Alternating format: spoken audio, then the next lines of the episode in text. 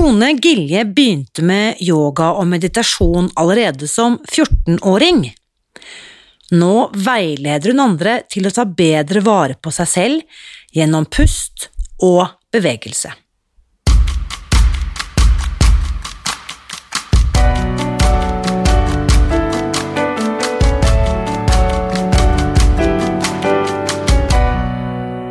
Mitt navn er Irina Li. Jeg er journalist og forlegger, gründer og sosialentreprenør. I 2015 spiste jeg meg fri fra overvekt og fedme etter å ha slitt med vekt, kropp og følelser i nesten 30 år. Etter at jeg fant oppskriften på å spise meg fri, ga jeg meg selv et nytt oppdrag å dele denne kunnskapen med alle som trenger det.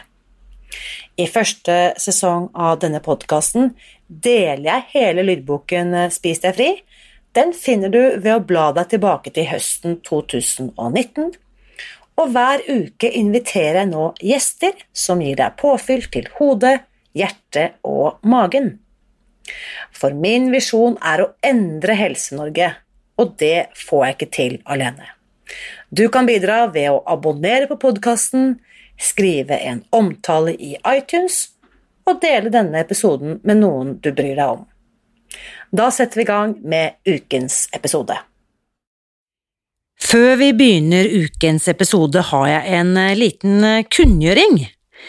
Hver eneste uke skriver jeg nemlig et uh, nyhetsbrev til alle som er interessert i Spis deg fri, og det har jeg gjort i snart fire år.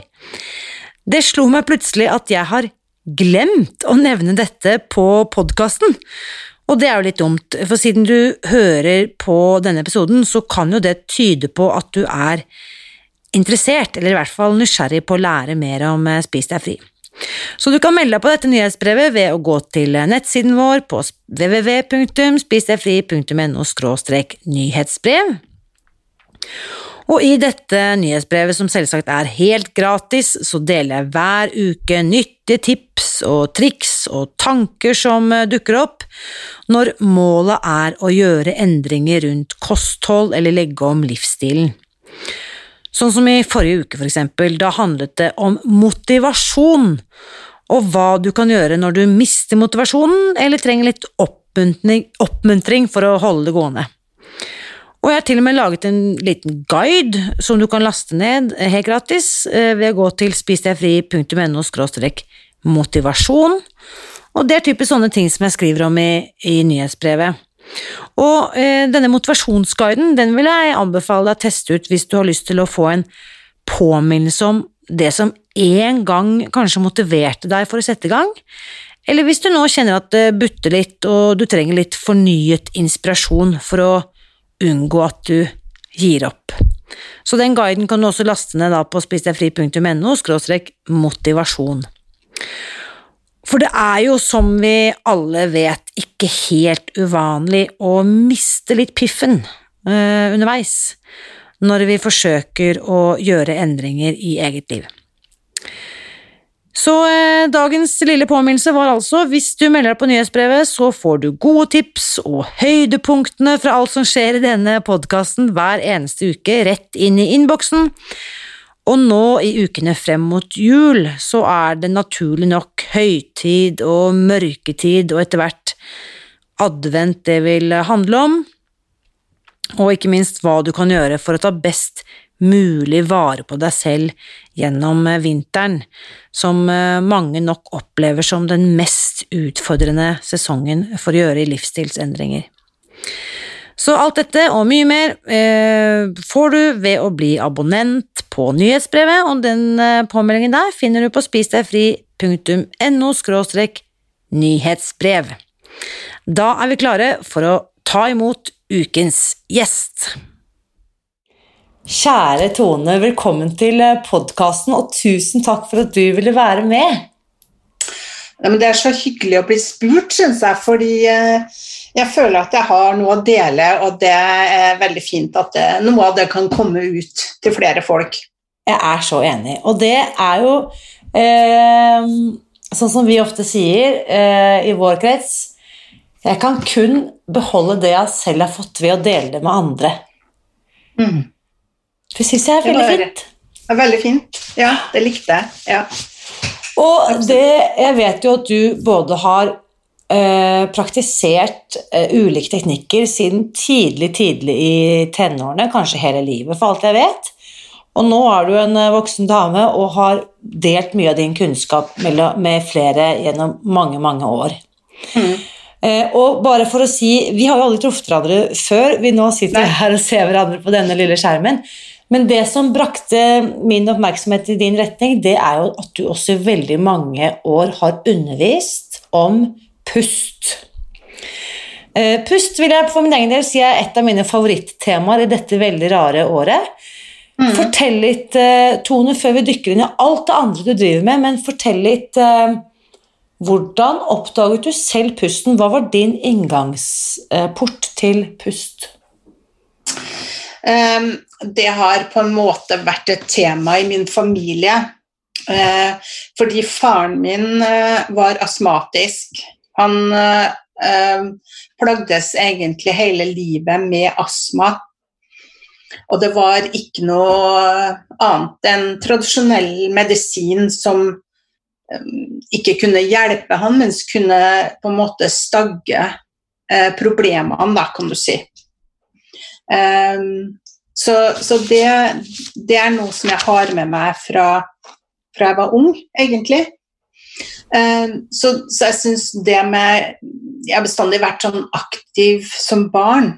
Um, og, og, og vært mye aktivitet. Og det var vel når jeg begynte å komme i, i tenårene, egentlig, at jeg begynte å interessere meg for de her tingene, da.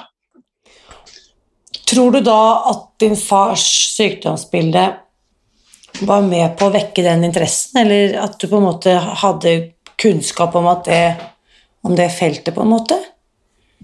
Eh, ikke direkte, indirekte, tenker jeg. Ja. Så det er mange ting som, um, som, har, som jeg hadde med meg, tror jeg. eh, som på en måte pensa inn på det å, finne, å være nysgjerrig, det å finne noe som jeg ikke allerede visste noe om. Ja.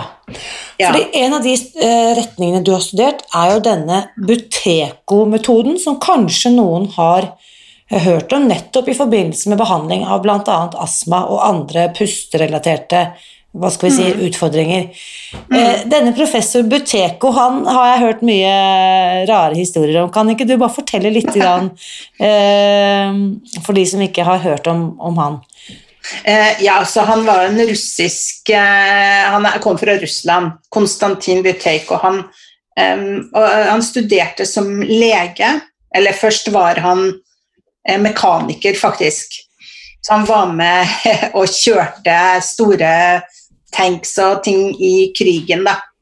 Eh, men, eh, men han eh, Han var interessert i mennesket og studerte til lege, og mens han studerte til lege, så ble han satt som student da, til å passe på døende pasienter og, og, og finne ut, registrere pustemønsteret deres.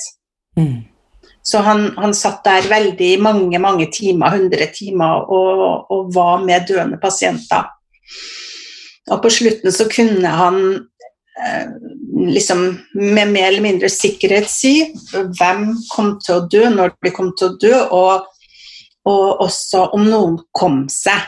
Mm, nettopp basert på hvordan måten de pustet på, lengde, Mm. dybde, lyd på pust. Mm. Mm.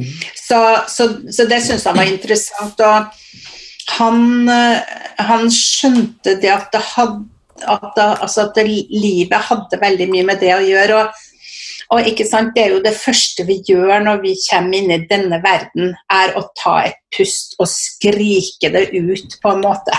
ikke sant? Så, så det er jo um, Så livsbevegelsen starter med innpustet og utpuste.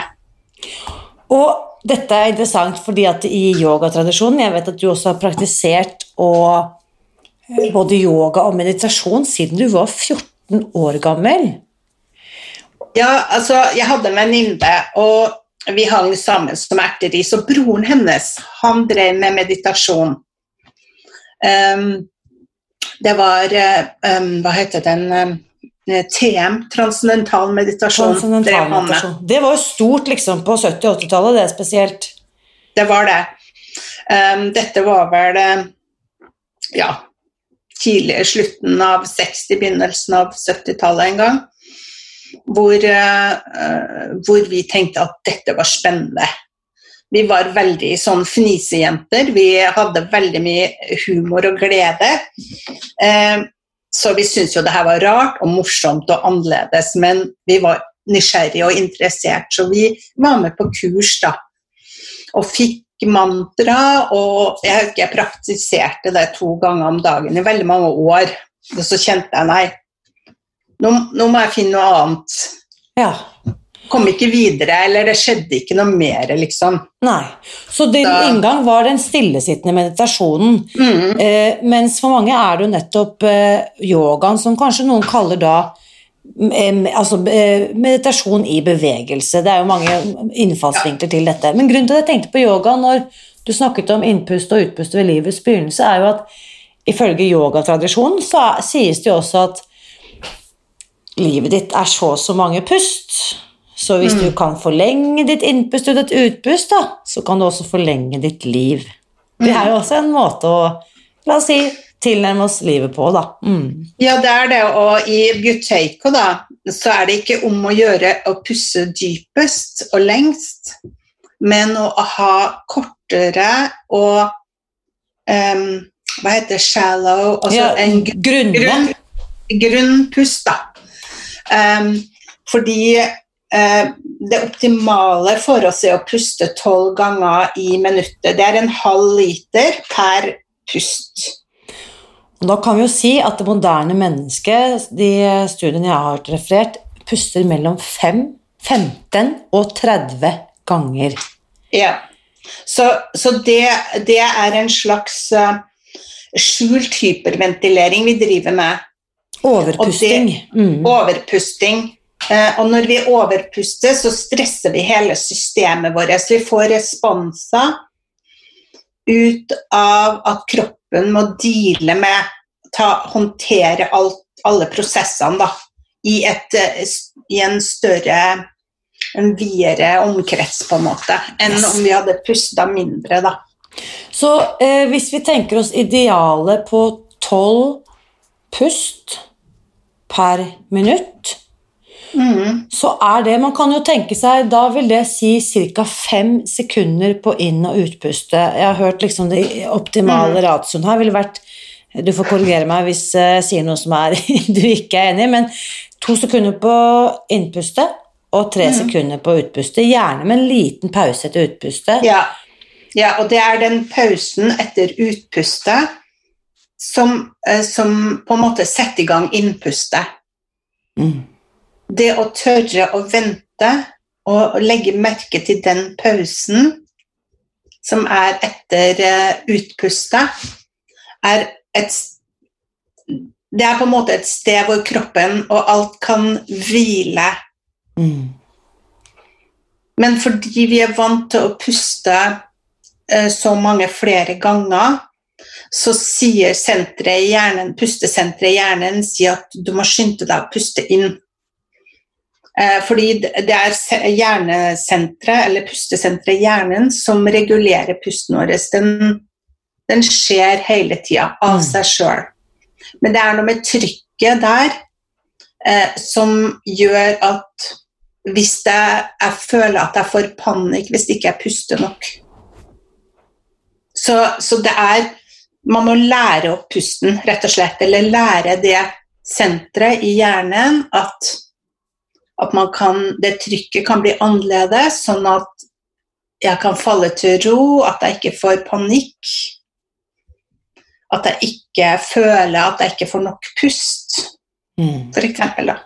Sånn som en astmatiker. Hvis du ber en astmatiker til å puste dypt og mere, så kommer det et anfall. Nettopp. Fordi det som skjer, er at eh, muskulaturen rundt um, de, den glatte muskulaturen som er lunger, som er pusterør, som er tarmer um, ja, Organene våre, da, veldig mange av dem, trekker seg sammen. Og hvis jeg puster mer, da, så trekker det seg enda mer sammen. Yes. Fordi det vil holde på den uh, delen av altså karbondioksidet i systemet vårt. Da. Uh, fordi det er det som gjør at det slapper av. Mm. Vi må ha nok av det. Er interessant Ja, unnskyld. Mm. Nei, bare Altså, dette CO2-nivået som eh, i alle og, altså, eh, hva skal vi si, moderne fortellinger så er oksygenet helten, og så er CO2 eller karbondioksidet på en måte skurken, men det er jo ikke sånn. Vi trenger er begge ikke- deler. Og sånn som du er inne på, Det er jo CO2-nivået vårt som på en måte får oss til å slappe av, som utvider disse blodårene, som gjør at hele systemet kan roe ned. mm, Så eh, hadde vi gjort oss til venn med karbondioksidet, så ville mange av våre moderne helseplager vært forduftet. Ja, rett og slett. Ja. Det er en hel rekke, jeg skal ikke ramse opp hva det er, men, men det kan man eh, finne ut av, ikke Ja. sant? Det, Og det er veldig spennende, synes jeg, at denne kunnskapen gjennom ulike metoder og gjennom ulike lærere og ulike tradisjoner nå blir kjent for flere, fordi det tror jeg kan gjøre at vi kan nedregulere hele stressnivået som gjør at ting ofte spinner av gårde i feil retning. Og jeg vet ikke, altså, eh, jeg vet jo, nå har jo ikke du vært borte i Spis deg fri før du blir invitert inn i denne lille podkastverdenen, men det jeg kan fortelle er jo at veldig mye av vi, vi, vi, Fokuset her er jo primært kosthold. Men det som er så interessant å se, det er jo at graden av overspising går hånd i hånd med overpusting.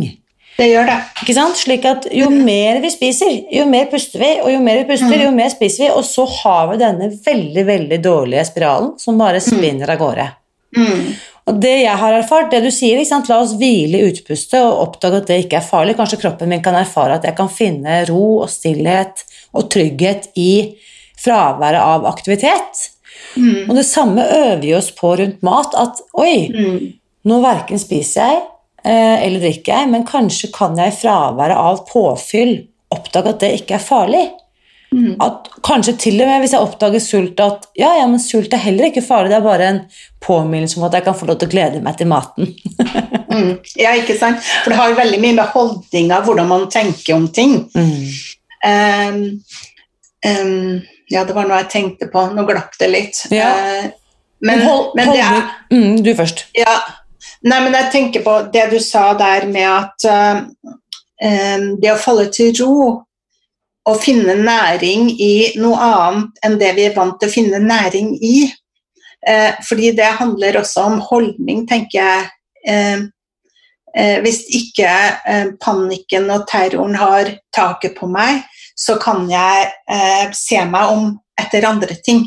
Mm. Ikke sant? Eh, Fordi det blir veldig fort overlevelse hvis jeg føler at ressursene mine ikke er der for meg. Yes, yes. Og i den Eh. panikken, da handler vi veldig lite rasjonelt. Det kan man jo bare se for seg når man bare Å, gud, nå er jeg så redd! Oppsperre døgnet. Og det er liksom store, ufokuserte bevegelser. Det blir veldig fort veldig lite eh, Mens du da kan se for deg denne her meditative munken som klarer å gjøre ting i stillhet, eller veldig sant, avbalansert eller rolig og fokusert. Så det, det, det sier seg nesten selv, men det er ikke alltid tilgjengelig for oss. Nei, og det må man erfare for å, å kunne begynne å stole på det. At faktisk ressursene finnes her, de er her, de er Jeg har de, men hvordan kommer jeg til de? Ja. Ikke sant? Og det, det er det som er den store bøygen for mange. Altså Hvis jeg ikke har opplevd noe, eller sett noe, eller skjønt noe, så finnes det ikke. Mm. Ikke sant? Så Jeg er nysgjerrig, Tone. Eh, Denne doktor Buteko Kanskje er det også det at han nettopp var mekaniker. Jeg, visste, jeg hadde glemt den delen av historien at han faktisk var mekaniker. Men kanskje det at han også turte å se på kroppen litt sånn mekanisk, da, se at det er noe sammenfallende, kanskje det var en del av eh, kompetansen hans. ikke sant? At han, Ja, sånn som. En god mekaniker kan jo høre på en bilmotor ikke sant? hva som er galt. Og det er jo nesten sånn Han har observert disse pasientene, og så ser han at det er noen sammenfallende trekk med at disse pasientene som puster på denne måten, sannsynligvis kommer til å være på bedringens vei, mens disse pasientene er i, i, i siste del av eh, eksistensen. Ja. Um, Så han gjorde jo mye forskning på det, da. Etter hvert eh, som han ble lege. Han forska veldig mye på både syke og, og, friske mennesker, men også på seg sjøl. Fordi han sleit med hodepine. Eh, og, han, og, og, prøvde da å jobbe med pusten sin i forhold til det. Og, så da at hvis han pusta mindre, så forsvant hodepina. Mm. Og når han ble stressa og pusta mer, fordi stress og pust henger sammen, så kom det tilbake. Yes. Mm. Og basert på disse funnene og sine egne erfaringer, så begynte han da å lære ut en metode til, mm. eh, som er spesielt utbredt den dag i dag blant astmatikere. Ja. Eh, har du et inntrykk av at uh, pust har fått høyere status som medisinsk behandling, eller er det fortsatt litt sånn undergrunnskunnskap? Um, I Norge er det vel ikke så uh, mye tatt hensyn til annet enn i spesielle um, sirkler eller folk som er interessert, men jeg vet Sånn som når jeg tok den utdanninga i Skottland for uh, mange år siden, ti år siden eller noe, så var de inne på sykehus og jobba med det her, f.eks. Ja. Eh, det, det, var eh, på trappene til å bli godkjent eh, som en kategori innenfor helse ja, Jeg husker ikke hva det var, men innenfor systemet, da. Ja. Som kunne brukes. Så um, bare nysgjerrig nå, hvordan bruker mm. du selv pust og denne bl.a. apotek-kunnskapen du har, og andre pusteteknikker du kjenner til? Hvordan, hvordan bruker du det selv? Integrerer du det i din hverdag? Eh, ja, det gjør jeg. jeg eh, når jeg kjenner f.eks. at det er noen symptomer på um, at jeg kanskje skal bli forkjøla eller tett i nesen f.eks., så bruker jeg noen av de teknikkene til fordi det som skjer, er at det, når jeg puster mindre, så styrker jeg immunforsvaret mitt, så, sånn at de symptomene bli, eh, får, en, har, får, noe motstand, da, kan du si, som jeg har. Altså kroppen min, systemet mitt, tar seg av det på en annen måte. Utrolig. Og også når jeg er ute og går, f.eks. går i fjellet eller um, sånn, så puster jeg alltid med nesen. Ja. Og så, um, når jeg blir sliten og føler at jeg må puste med munnen, så stopper jeg heller. Og så venter vente til pusten min faller til ro, sånn at jeg kan fortsette å puste gjennom nesen. Slik at du ikke Dette var et av de, eh, dette er et av de, de oppdagelsene jeg også selv har gjort. At hvis jeg mhm. bare følger nesepustens rytme, og det er jo egentlig det vi også underviser i yoga, at vi liksom lar pusten styre bevegelsene. Mm. Men når jeg gjør dette i annen aktivitet òg, også når jeg trener, så, mm. eller går i fjellet eller løper på hva det måtte være, så pusher jeg aldri kroppen ut over det den selv er i stand til å på en måte innhente seg igjen på. Mm, mm. Slik at bare hvis vi klarer å lukke denne munnen, som bare har lyst til å legge seg borti alt som foregår Hvis vi klarer å holde munnen lukket mm. Eh, og la nesepusten slå an takten, så, så Vi får fortsatt trent, vi får fortsatt liksom mm. godt oss varme mm. og kondis og alt sånt, men mm. vi, trenger, vi slipper å tære på ressurser vi egentlig ikke har tilgjengelig. Ja, så Det er det ene, og også det avfallsstoffene, som er da melkesyra, som hoper seg opp i systemet, gjør ikke det på samme måten. Nettopp. Det blir transportert av gårde, og jeg får egentlig bedre kondis etter hvert. Yes. Men på, på, på kroppen sine eh, betingelser, da kan du si, og yes. pusten min der den er. Yep. Mm. Det syns jeg bare det ene konkrete, veldig håndgripelige rådet der. Bare pass på at du puster, puster gjennom nesen eh, mm. når du er ute og trener eller går eller løper eller hva du gjør. Det er eh, gulltips, rett og slett. Mm. Mm, ja. Eh, en av lærerne mine sa altså at den ene gangen du ikke skal gjøre det, er når du, når du har elskov med din kjære. da er det lov! Da er det lov! Men vet du hva, la oss snakke litt om elskov med, med, din kjære. fordi at uh, Første gang jeg hørte dette, så måtte jeg, ble jeg rødmet jeg og begynte å fnise. fordi det som var uh, pustelæreren min sin uh, innfallsport, er at nettopp liksom i forbindelse med elskovstund så viser det hvor viktig det er at begge sider av kroppen er med. Mm. Du kan ikke komme liksom i modus uten å være dette parasympatiske nervesystemet, hvor Mm. ting liksom er trygt. Du kan ha lange, dype, rolige pust, eller på en måte Mm. puste dem munnen, pust, unnskyld, puste dem eh, nesen. Mm. Eh, og være da, sant, rest and digest, og også i det som også noen refererer til som the status of breeding, altså, altså eh, hva heter det, reproduksjon, ikke sant? Mm. Men for å liksom komme til klimaks, så må du over i den andre delen av nervesystemet, er det. Nemlig eh, stress, eh, altså fight or flight. Og Mm. der er vi over på munnpust. Ja. Så vi kan uh, så der må, Det er begge deler. begge deler. Ja, mm, Ja. det er det. Eh, så er det også greit å slippe fokuset helt på pusten og bare konse på det man holder på med. Kanskje bare Vent, nå puster jeg gjennom munnen! Gi seg hen, vet du. Gi seg over i det. Mm. Gi seg over i det, slik at eh, den pusten den blir som den blir, og, og, og den uh, blir alltid rett. Det kan man jo da trygt slå fast. Ja. ja. Eh, og så måtte jeg jo bare tenke litt sånn på dette du sa ikke sant, om livets begynnelse og slutt, og det som Buteko også studerte. Fordi er det ikke også det uh, Ved livets start så begynner det med et ut, altså et innpust hvor disse lungene fyller seg. Ikke sant? De har jo ligget helt klistret sammen inne i mors liv. Så liksom dette opprinnelige innpustet, som da setter i gang dette første utpustet, som gjerne er et vræl. Mm.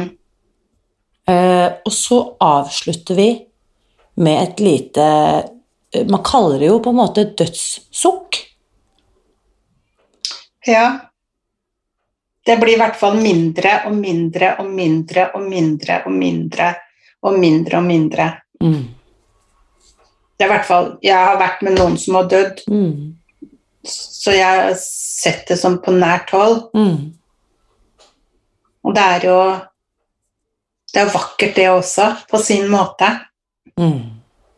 Det er interessant, for hvis du ser et lite spedbarn, det puster jo uhyre fort. Mm. Der går jo pusten Det er ikke noe tomt pust i minutter der, der går det liksom i et sabla tempo. Mm. Og akkurat sånn som du også sier, for de av oss som har sittet ved pårørendes eh, dødsleie, og se hvordan rett og slett liksom, eh, denne blåsebelgen av liv bare Mm. går saktere og saktere og saktere. Det, det er fascinerende. Ja, det er veldig fascinerende. Ja. Vakkert på en eh, litt sånn rar måte. Mm. Så hvordan har du hjulpet eh, andre? Hvem er det som eh, kommer til deg? For du, vi kan jo gjerne snakke litt om alt det andre du også Jeg må bare spørre, ikke sant? Her har vi for Ja. du, er, du er utdannet advanced rolfer. Hva er det for Ja. Rolfing er en, eh, det er en dame som heter Ida Rolf, som har utvikla den metoden. Um, hun, hun døde i 1976, tror jeg det var. Ca. 80 år gammel. Hun var forsker, hun jobba med biokjemi, men var interessert i kroppen. Det med yoga, meditasjon, det spirituelle. Um, og um, hun var en utforsker. Så hun eh, satte folk i yogastillinger, så syntes jeg det gikk altfor sakte. Så hun begynte å jobbe med hendene sine på kroppen deres mens de sto i stillinga, og så så hun at oi, det skjer noe. Det skjer noe mer. Dette er ganske effektivt. Så hun begynte å forske på det, og så at det bindevevsystemet i kroppen er det systemet som ingen har snakka noe særlig om og gjort noe særlig i forhold til. Så hun så at det nettverket av vev gjennom hele kroppen vår, hele systemet vårt, var det som var med på å, å, å, gi oss struktur, da. Nettopp. Så hun så på hvordan tyngdekrafta virker på en struktur. Virker på vår kroppsstruktur da, og funksjon. Og så utvikla hun en eh, metode hvor man jobber gjennom 10-12 sesjoner for å rette opp den strukturen da, i kroppen. Mens deltakeren sitter eller står eller ligger i en yogastilling? Eh, nei, det er ikke Det har gått videre fra Det var begyn litt begynnelsen. Nettopp. nettopp. Mm. Uh, men uh, som gjorde at hun oppdaga at det var noe her. Så det er en hands on med hendene på. Jeg jobber med hendene. Folk ligger, sitter, står. Ja. Eh, i forskjellige stillinger og er med og beveger seg samtidig som jeg jobber. Ja, og det som er så interessant med det du sier der, fordi eh, som del av yogalærerutdanningen som jeg selv Mhm. tok for noen år siden, så er det også justering kan være Nå kan vi jo ikke gjøre det, da, med tanke på smittevern, men det kan jo være La oss si hun som, hunden hun som ser ned, mange kjenner til den stillingen. Mhm. Bare at jeg legger en hånd på ryggen, la oss si mellom skulderbladene, og sier 'forsøk å puste inn her'. Mhm. Bare, jeg, jeg trenger ikke legge på noe trykk eller massere eller gjøre noe som helst. Nei. Jeg trenger ikke dytte på deltakerne noe som helst men bare eller legge en hånd på brystet. Man kan jo bare gjøre det selv. Legge en hånd på brystet og forsøke å puste inn her.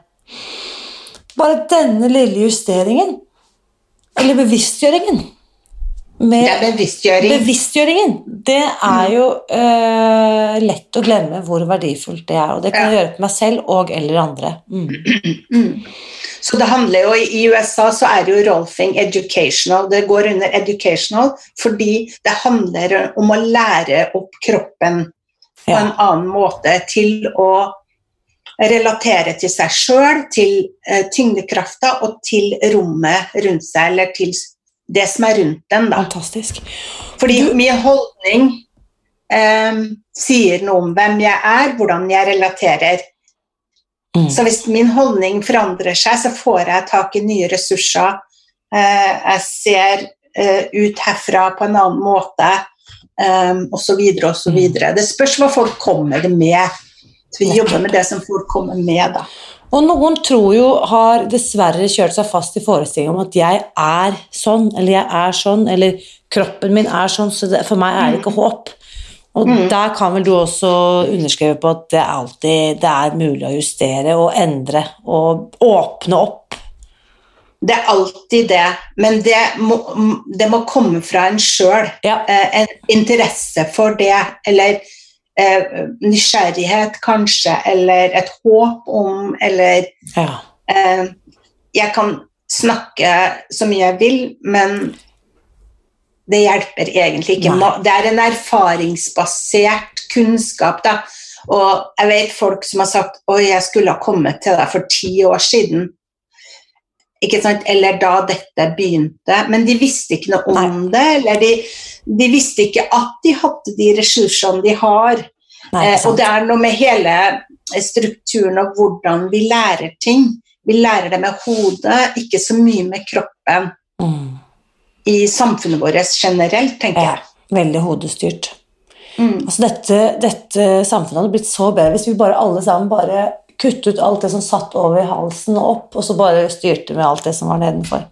Nei da, det var veldig Nei, nei der, vet, ja, der vet jeg ikke. Jeg er helt enig. fordi jeg tenker intellektet vårt er fantastisk, og det kan brukes på en helt annen måte enn det, det vi gjør i dag. Altså, det er mye flere Hvis de kan samarbeide Samarbeid. og kommunisere, kommunisere og, og skape interesse for intellektet i noen andre retninger. Fordi det er en, intellektet er en strålende stjerne på en måte som vi, er, eh, som vi har fått som gave. Og det å bruke det til um, til noe annet enn det som vi har blitt lært opp til, da. Ja. Det er det jeg tenker på. Det tenker jeg er viktig. F.eks. å bli oppmerksom på det. Sende det dit. F.eks. å merke pusten. Mm, Sansningene i pusten. mm. Bruke intellektet mitt. Bruke det lyset og skinne det på den delen som jeg ikke har kjent noe på ennå, Mm. f.eks. Når jeg veileder folk i pust, så sier jeg at det første vi kan? Sånn som du sier da, hvis, eh, hvis det kommer en deltaker til deg og sier 'Å, dette burde jeg gjort for ti år siden', så tenker jeg ja, først kan vi bare parkere alle tanker om at hva jeg burde og skulle ha gjort for ti år siden. Det er jo bare en tankefelle. men Mm. Og, jeg, og det som jeg på en måte jeg også bruker som trøst for min egen del, er at det, det jeg ikke har visst om, har jeg heller ikke hatt noe ansvar for. Nei. Men idet jeg får en bevissthet, så kan jeg velge å ta ansvar for det. Mm. Så kanskje bare, bare bli bevisst på i dag hvordan er det jeg puster egentlig? Er det sånn at jeg puster helt opp i skuldrene og opp i halsen, eller har jeg en viss ro og? Er det, Går det veldig fort, eller er det grunt og fint og rolig og lydløst? Peser jeg med munnen som en andpusten bikkje, eller er jeg rett og slett i et, eh, i et rolig farvann og, og trygg og, og tillitsfull. Ja, og, og, og du vet det at uh, eh, Det å begynne å kjenne på de sansningene er mer enn historikken, da, Mm. kan du si. Mm. Det å kjenne hva er det det gjør til meg, hvordan kjennes det ut, det det gjør til meg. Um, Istedenfor å, å tenke ja, jeg puster sånn og sånn, og det er inn der og ut der. og Nei, la den få lov å være det den er til Mm. enhver tid, og kjenne på hva er det det gjør til meg. Mm. Ikke sant, isteden, Fordi vi er i vår verden er vi så vant til å styre ting dit. Og det er igjen det der hodet som kommer inn, og den teorien som vi har lært og skal være sånn og ikke sånn. Men hvis ikke min pust er sånn som det, Mm. så tvinger jeg den kanskje dit, ikke sant? så jeg Ja. skaper ny forstyrrelse eller ubalanse, istedenfor å da tillate meg å dykke inn i hvordan det faktisk er, og hva slags bevegelser det skaper, og hvordan de bevegelsene kjennes ut inni meg. Altså, sånn at jeg, jeg går etter noe annet da, Yes. enn det som som kanskje har vært fokuset før. Du er også utdannet kontinuumlærer og psykodramaregissør. Ja. Fantastisk! Dette er jo bare ordene har jo ikke jeg Altså kontinuumlærer, hva er det? Mm. Eh, Continuum er en eh, metode hvor vi nettopp bruker pust og lyd. Vi bruker lyd. Ah, Eh, lyd er pust med noe attåt, egentlig. ja, ja. Ikke sant? Og lyd og pust er egentlig bølger, det er frekvenser. Så når jeg snakker nå, så skaper stemmen min de lydene og de frekven- frekvensene som går ut, og skaper ordene som du hører ordene mine og forstår de. Så i Continuum bruker vi lyd til å åpne opp og bevege det flytende i oss. Mm. Vi er jo 70-80% væske. Tenk på, bare tenk på det. Mm. Uh, vi tenker som regel så tenker folk om seg sjøl at de er faste og konkrete, og, ikke sant? men innafor den huden så er det veldig mye som er flytende. Og det som pusten gjør, da ikke sant? Når jeg puster inn, så tar jeg en form.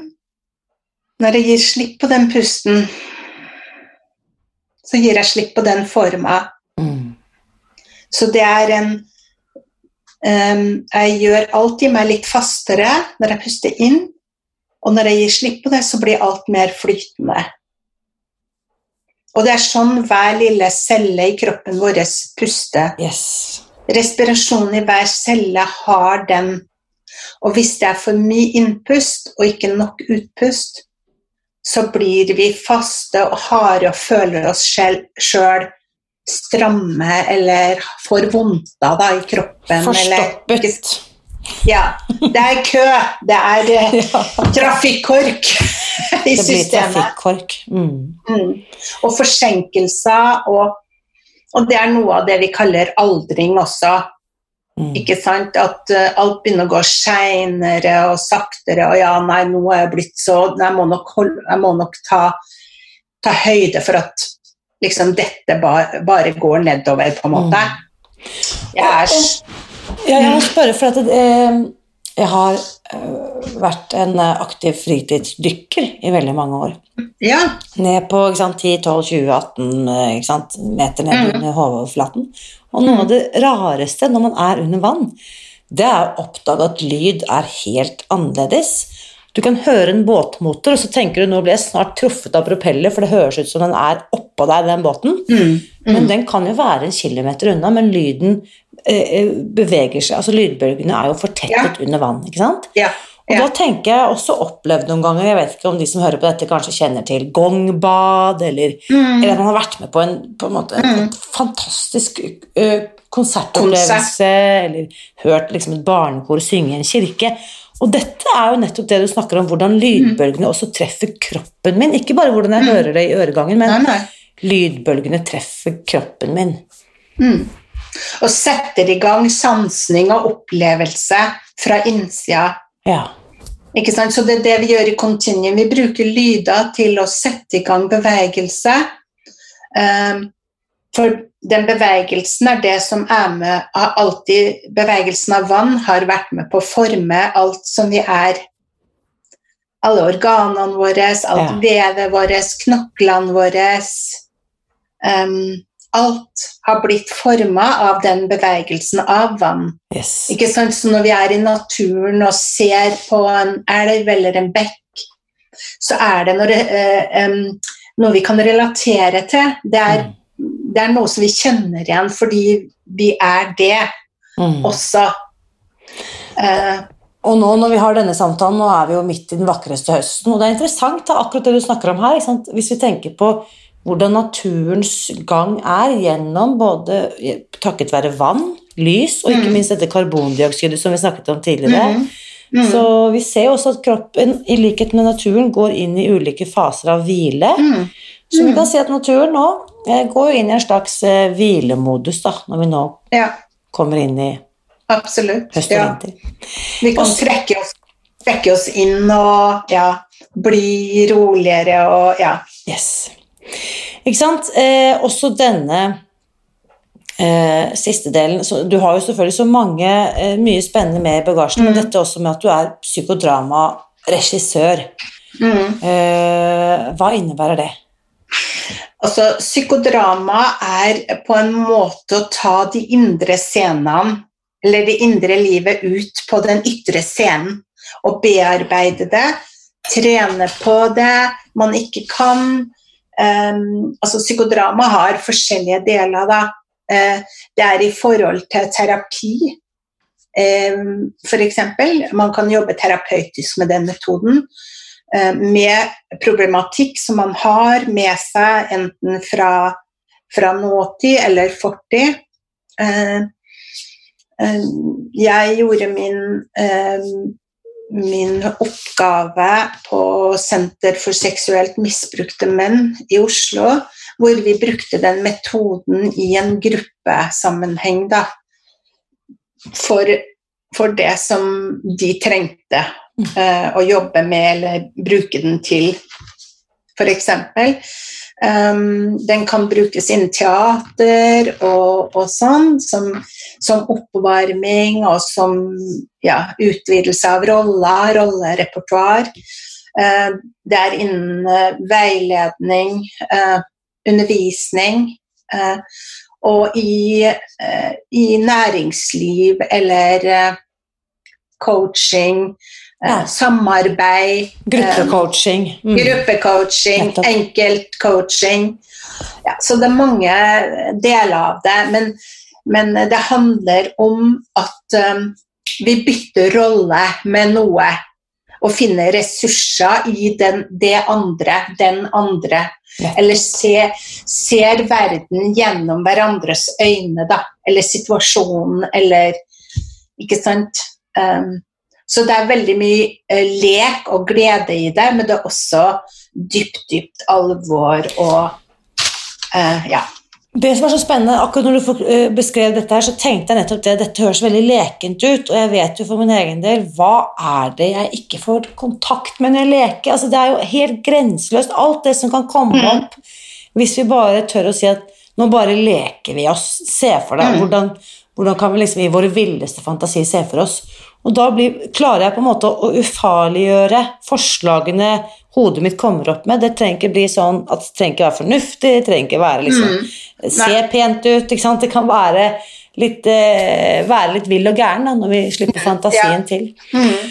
Så avslutningsvis, eh, Tone, jeg skal for alle som er med i den åpne Facebook-gruppen vår, der er du også yeah. med, så da kan vi fortsette samtalen gjennom uken. Det er veldig spennende. Så skal jeg dele også eh, siden din, og hvor folk kan mm. For du jobber både med grupper og individer, og du kan yeah. møte folk på, på, på, på si, internett også, på Teams eller Zoom eller Ja, det går også an. Jeg har ikke gjort så mye av det, for jeg te har tenkt Nå skal du høre, jeg har tenkt at jeg er ikke er så god på det, så nå har jeg kasta den, eh, den ideen på båt, over eh, bord. For du beviser jo her at du er god på det, så dermed kan vi bare parkere den tanken. Så, men hvis du skal gi folk liksom midt i hverdagen en liten sånn hack, hva er det Har du et lite sånn motto eller en liten øvelse vi kan ta med oss som bare kan gi oss en liten smak på noe som kanskje er litt bedre enn det vi sitter og tygger på fra før av? Altså, du vet, jeg er vill etter natur. Jeg tenker at natur er oss, Jeg er en del av naturen, og naturen er en del av meg. Så hvis jeg av og til bare hever blikket fra eh, det som jeg er i, hva det nå enn det er, og, og ser på et tre f.eks., og, og begynner å merke den bevegelsen det treet har i meg sjøl Mm. Hvis jeg kan svinge litt sånn som det treet og tenke at akkurat som barn, da, jeg later som jeg er noe annet. Mm. Fantastisk. Jeg blir sittende Ja, her og svinge mens jeg hører deg fortelle. Felix. Ja, ikke sant? For det er noe med det der å, å tillate meg å være noe annet enn det som jeg eh, tror at jeg er, da. Fantastisk. Kanskje det er noe resonans Mm. i vannet, i treet, i fuglen, i blomsten, i noe som på en måte jeg kan ta hjem til meg sjøl som en ressurs. Så kanskje bare gå ut en tur i dag? Eller se ut av vinduet. Man trenger heller ikke å gå ut. Mm. ikke sant? Man bare ser ut av vinduet, noe som tiltrekker meg der ute. Mm. Er det noe jeg syns er stygt? Er det noe som er fint? Er det Altså, vi slipper vurderingene. Ja. Ja, ikke vurder det, ikke sett pluss eller minus eller bra eller dårlig på det, for alt er en opplevelse. Fantastisk. Dette tar jeg med meg i dag, og så vil jeg bare Ja, si fint. tusen, tusen takk, Tone, for at du kunne være med på podkasten. Takk for at jeg fikk bli med, Irena. Og så snakkes vi. Nå lurer jeg på Hva tar du med deg etter å ha hørt min samtale med Tone i dag? Bli med i den åpne Facebook-gruppen Spis deg fri, hvor samtalen fortsetter gjennom uken. Der finner du også Tone, som gjerne svarer på dine spørsmål. Nå er det altså blitt november, og jeg vet ikke hvordan det er for deg, men jeg blir gjerne litt eh, tyngre og dystrere til sinns når det er så mørkt og kaldt ute. Så for å demme opp eh, mot mine egne svarte tanker, så har jeg tenkt å fylle hele denne måneden med takknemlighet. Og hvis du har lyst til å lære mer om eh, takknemlighet og få den vitenskapelige forklaringen, eh, forklaringen på hvorfor nettopp takknemlighet er så innmari effektivt for å kurere gruff, så kan du bli med på den ukentlige livesendingen jeg skal ha nå på onsdag på Facebook-siden Spis deg fri. Det vil da si onsdag 4. november klokken ett. Eller som jeg var inne på helt i starten av dagens episode, bli abonnent på nyhetsbrevet, eh, så sender jeg deg noen gode tips rett i innboksen, og den eh, linken der finner du på spisdegfri.no nyhetsbrev. Og så var det neste uke, da. Da har jeg ikke helt bestemt meg for hvem jeg skal eh, invitere hit i studio, men jeg vil tippe at det kommer til å handle om hode, kropp eller eh, mage. Så hvis du hører eh, Så hvis du vil høre mer om hva du kan tenke eller gjøre eller spise for å få det bedre og gi deg selv et lettere liv, så kom tilbake hit neste søndag. Som du vet, mitt motto er at gode nyheter er skapt for å deles. Og hvis du har hørt noe i dagens episode som du er spesielt takknemlig for, så blir jeg kjempeglad hvis du har lyst til å klikke deg inn på iTunes og skrive en tilbakemelding eller drysse fem stjerner over podkasten vår.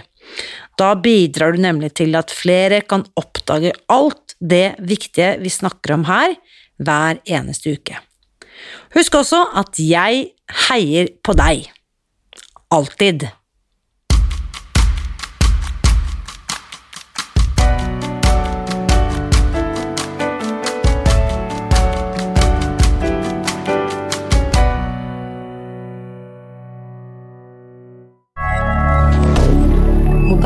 Moderne media.